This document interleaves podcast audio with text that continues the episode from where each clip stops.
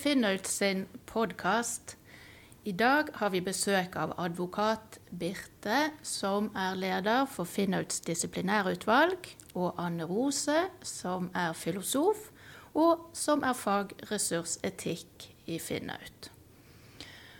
Og om vi ser tilbake på saker som ble behandlet i disiplinærutvalget i 2021, er sakene unike, eller er det noen fellestrekk å spore? Vi behandla tre eh, saker eh, ferdig i, um, i, fjor. Altså vi fatta tre eh, vedtak.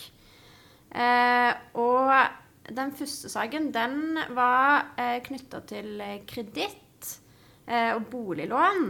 Og det var flere, flere forhold, men, men et, eh, et, veldig sentralt tema der var at rådgiveren i banken fikk deler av lånebeløpet som vedkommende innvilga, overført til seg for å forvalte de pengene eh, privat i en aksjespareklubb. Det endte opp med at eh, rådgiveren ble fratatt sin autorisasjon i ett år. I eh, den eh, andre saken eh, så, så, er vi på forsikringsområdet. Eh, og der var det altså en, en, rådgiver som hadde gitt urettmessig rabatt til forsikringskunder. Og eh, ved å da få flere til å tegne forsikringer, så fikk denne rådgiveren utbetalt urettmessig provisjon. For det var på det rene at hvis ikke rådgiveren hadde innvilga den rabatten, så hadde ikke kundene tegna forsikringen. Og det endte opp med at rådgiveren ble lagt en advarsel og pålegg om å gjennomføre en ny etikkprøve. Den tredje saken, da er vi på, på verdipapirområdet. Eh, og um, i den saken så, så var det òg altså to forskjellige forhold. Det ene gikk på etterlevelsen av reglene for ansattes egenhandel. Der eh, altså, rådgiveren bevisst hadde handla i strid med retningslinjene fordi rådgiveren mente at retningslinjene som bedriften hadde, var strengere enn andre hadde, og òg strengere enn det som da var lovens minimum.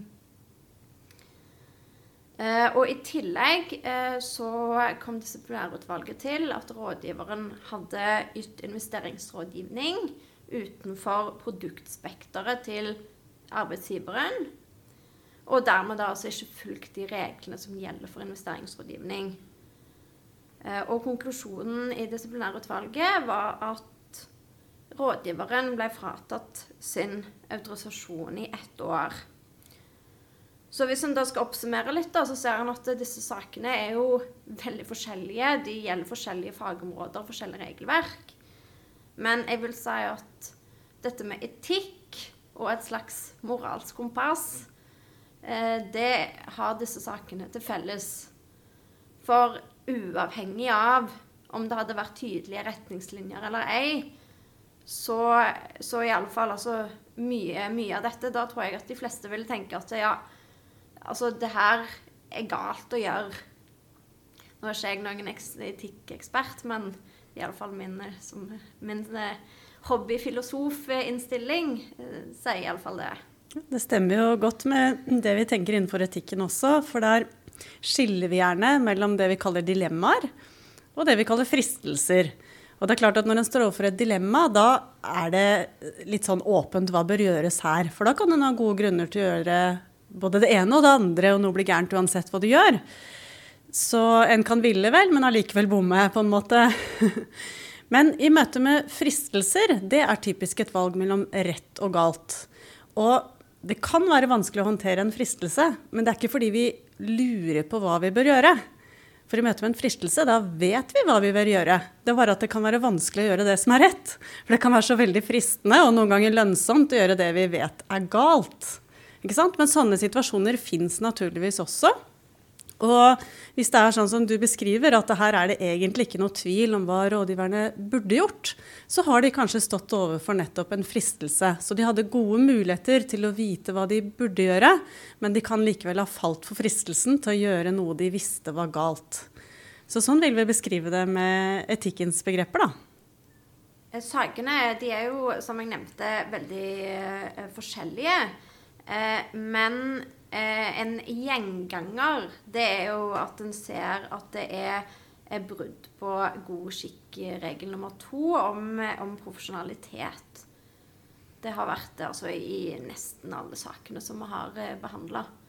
Ja, og det er jo den som sier at kundebehandlingen skal være redelig og profesjonell. Rammene skal være tydelige for kunden. Når kundens valg ikke er basert på rådgivning, skal dette klart fremgå overfor kunden.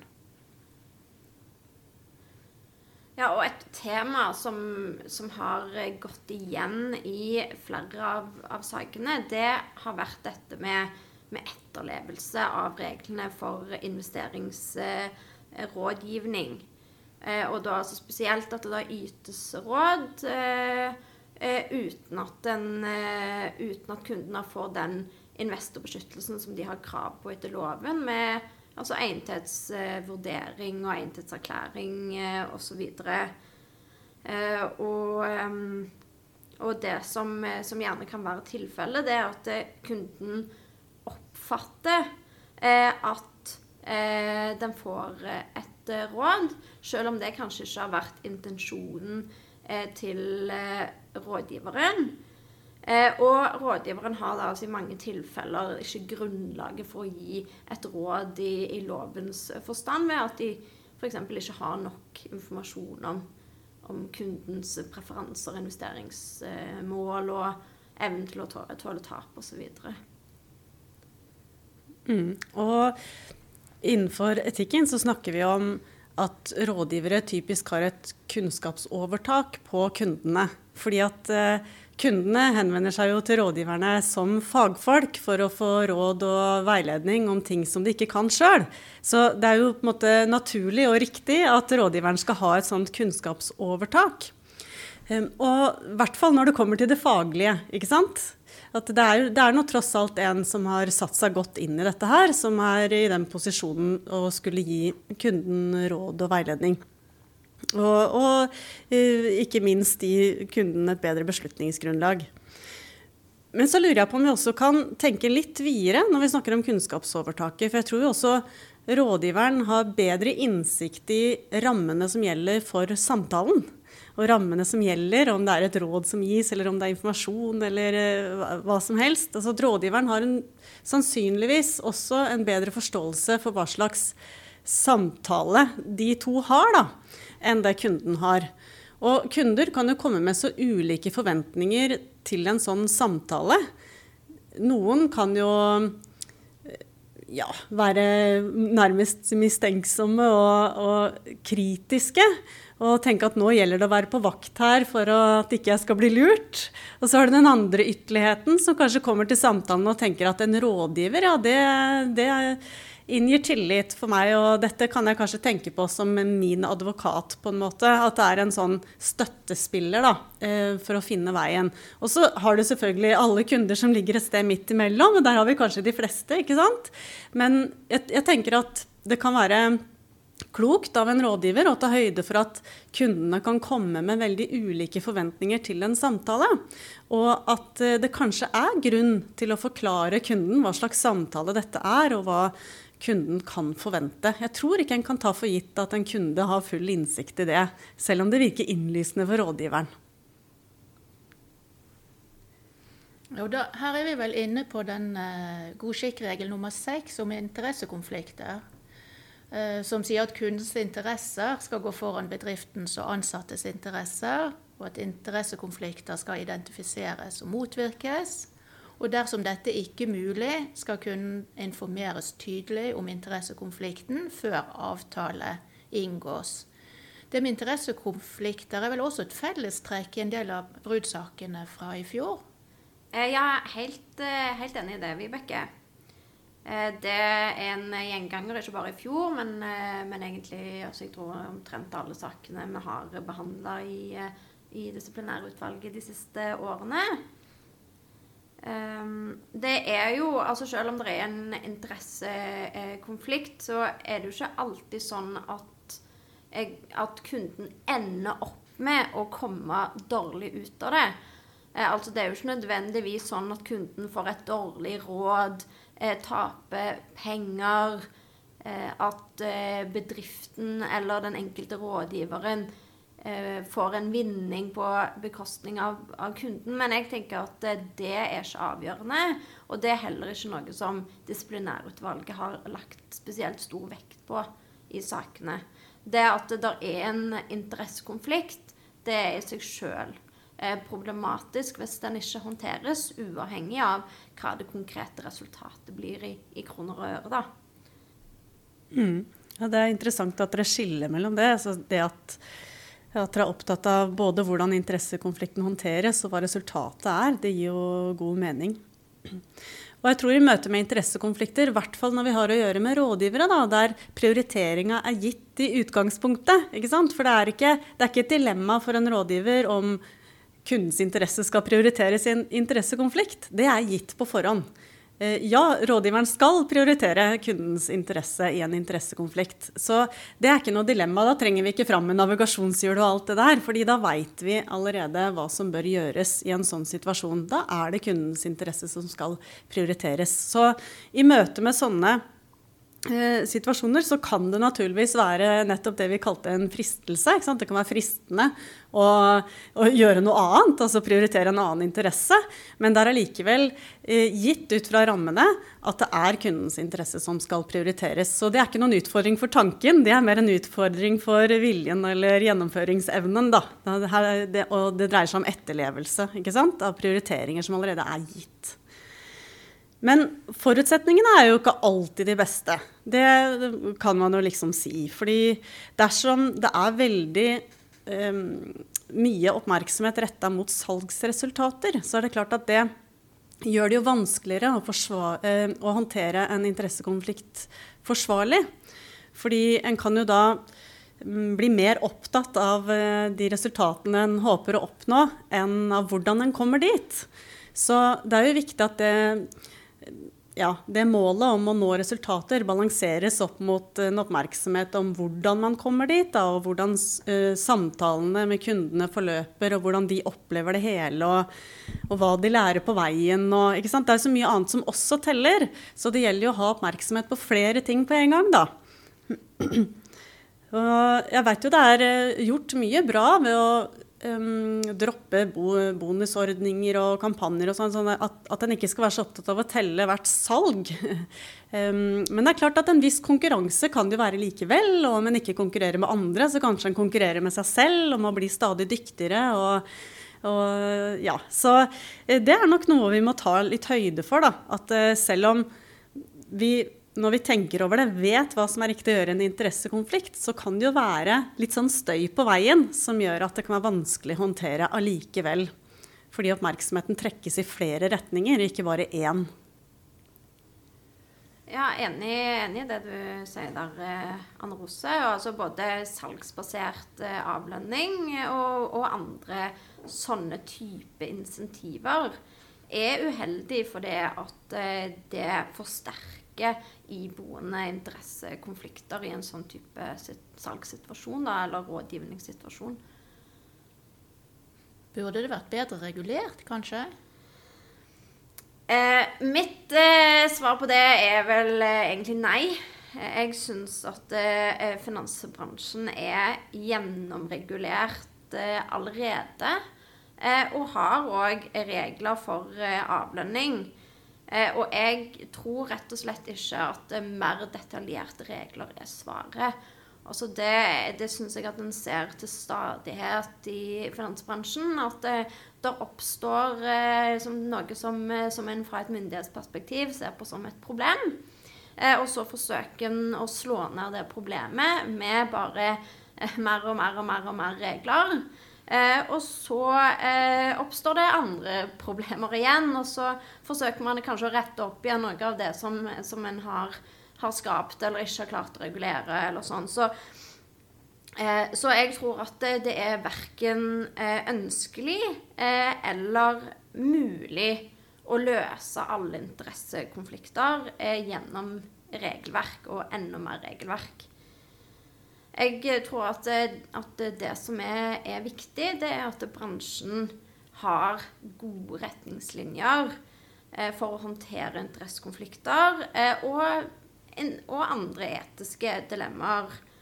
Eh, og jeg eh, tenker at det, det, er utrolig viktig at det er altså, gjennomgående for hele selskapet. da, At det må komme fra toppen altså god compliance-kultur.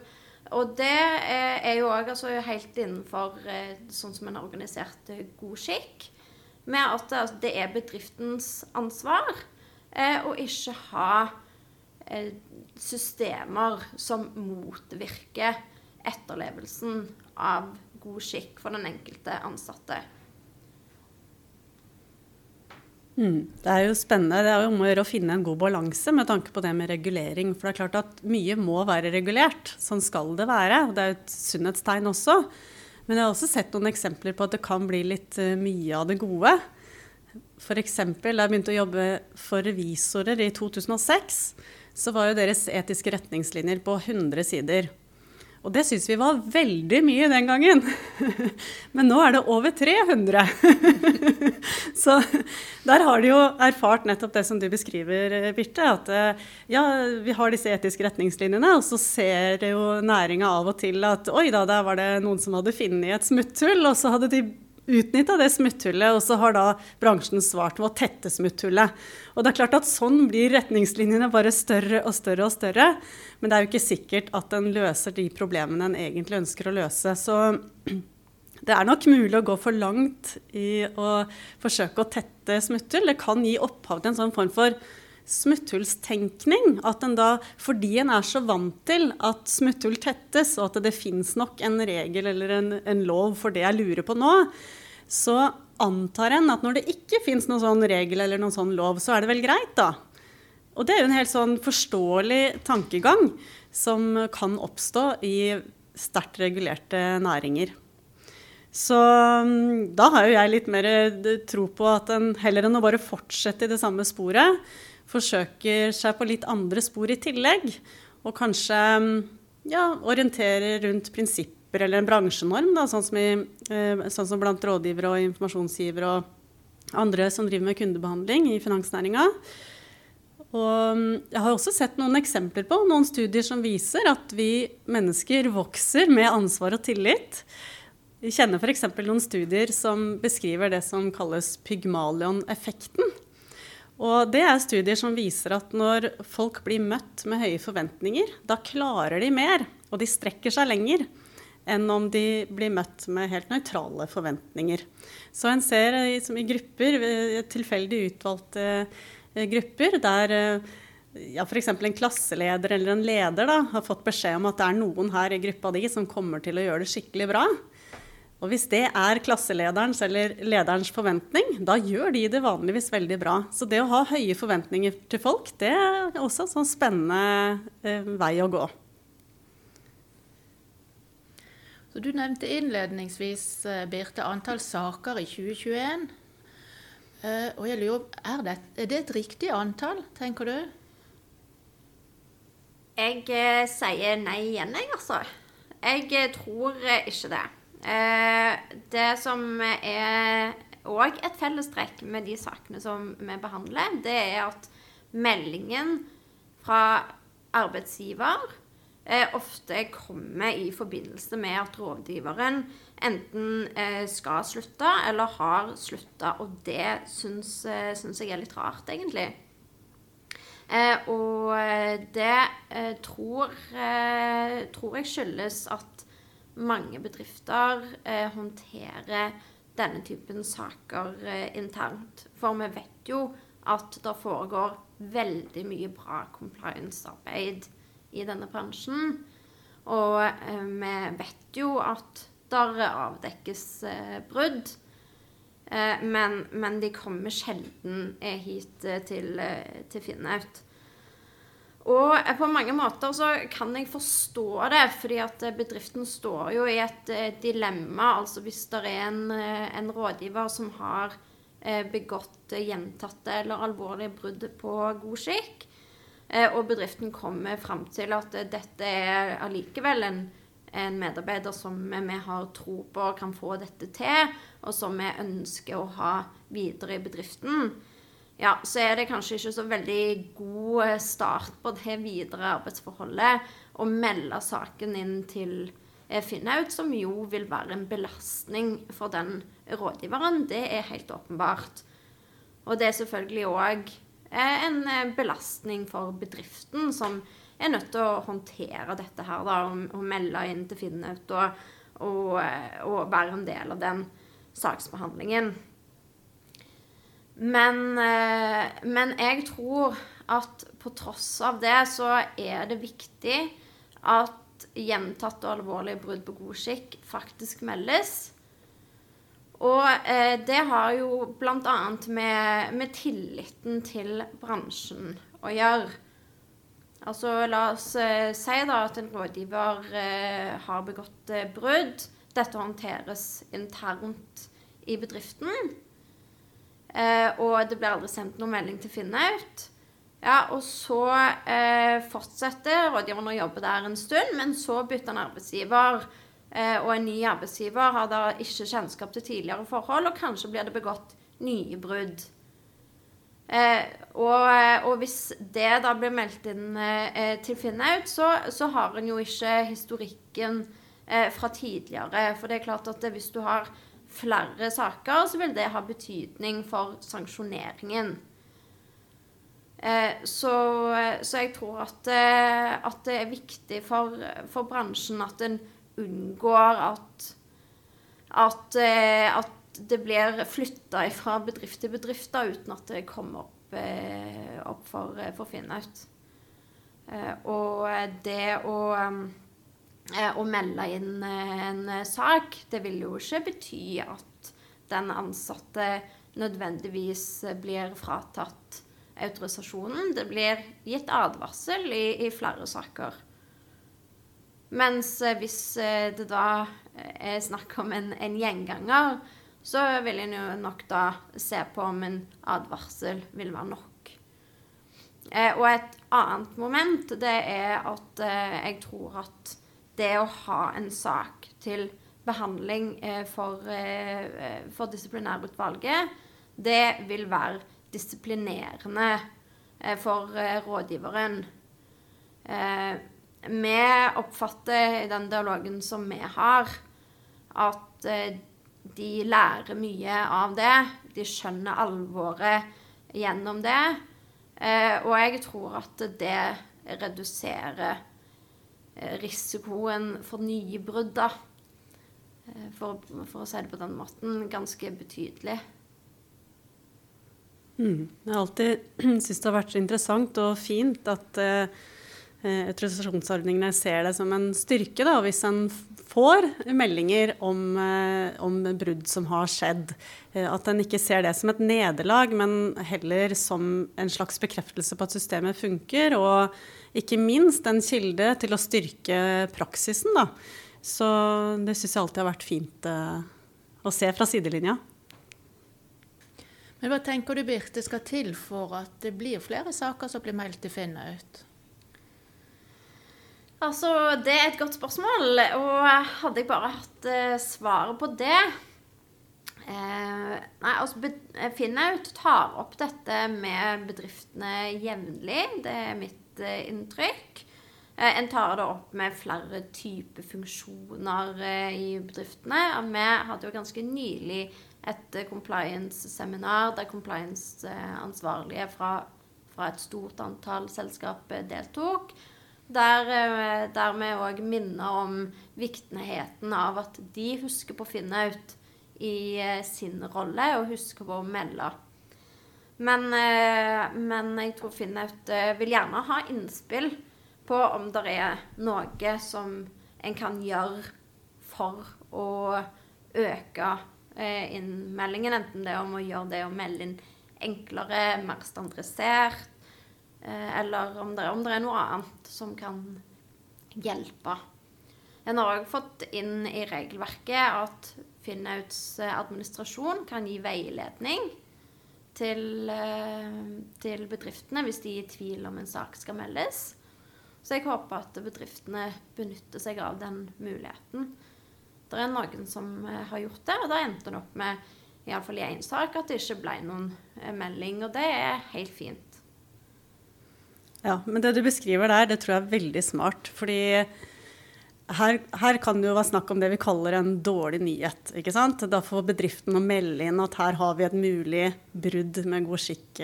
ikke sant? Er, vi kan kalle det en dårlig nyhet, eh, selv om det selvfølgelig skal undersøkes nærmere. Og det vi vet om dårlige nyheter, det er at eh, de beveger seg ganske sakte. Folk kvier seg for å dele dårlige nyheter og bringe det videre til dem det angår. Så det at uh, Finansnæringens autorisasjonsordninger går ut og inviterer til innspill og viser så tydelig at vi vil gjerne høre fra dere, og vi kan bistå hvis dere er i tvil, og hjelpe dere på veien videre, så, så tror jeg det er, det er, veldig smart. For en ting, Vi vet jo litt om hva som kan gjøre at folk kvier seg ekstra for å melde inn ting, men vi vet også litt om hva som gjør det lettere. Og det er nettopp hvis folk har en sånn inviterende innstilling, og hvis de i tillegg uttrykker takknemlighet når de får noe inn, så er det sånn som kan få hjula i gang og sette i gang et veldig godt samspill. Så, så, det er nok bare å fortsette med det der. Så tipper jeg dere vil se at det funker, jeg. Ja. Ja, da var vi kommet til veis ende. Takk til Birte som er leder for disiplinærutvalget, og Anne Rose, som er fagressursetikk i Finnaut. Og i Finnauts disiplinærutvalg har vi nå to saker til behandling. Så følg med på finnaut.no. Der vil vedtakene komme når sakene er ferdig behandlet.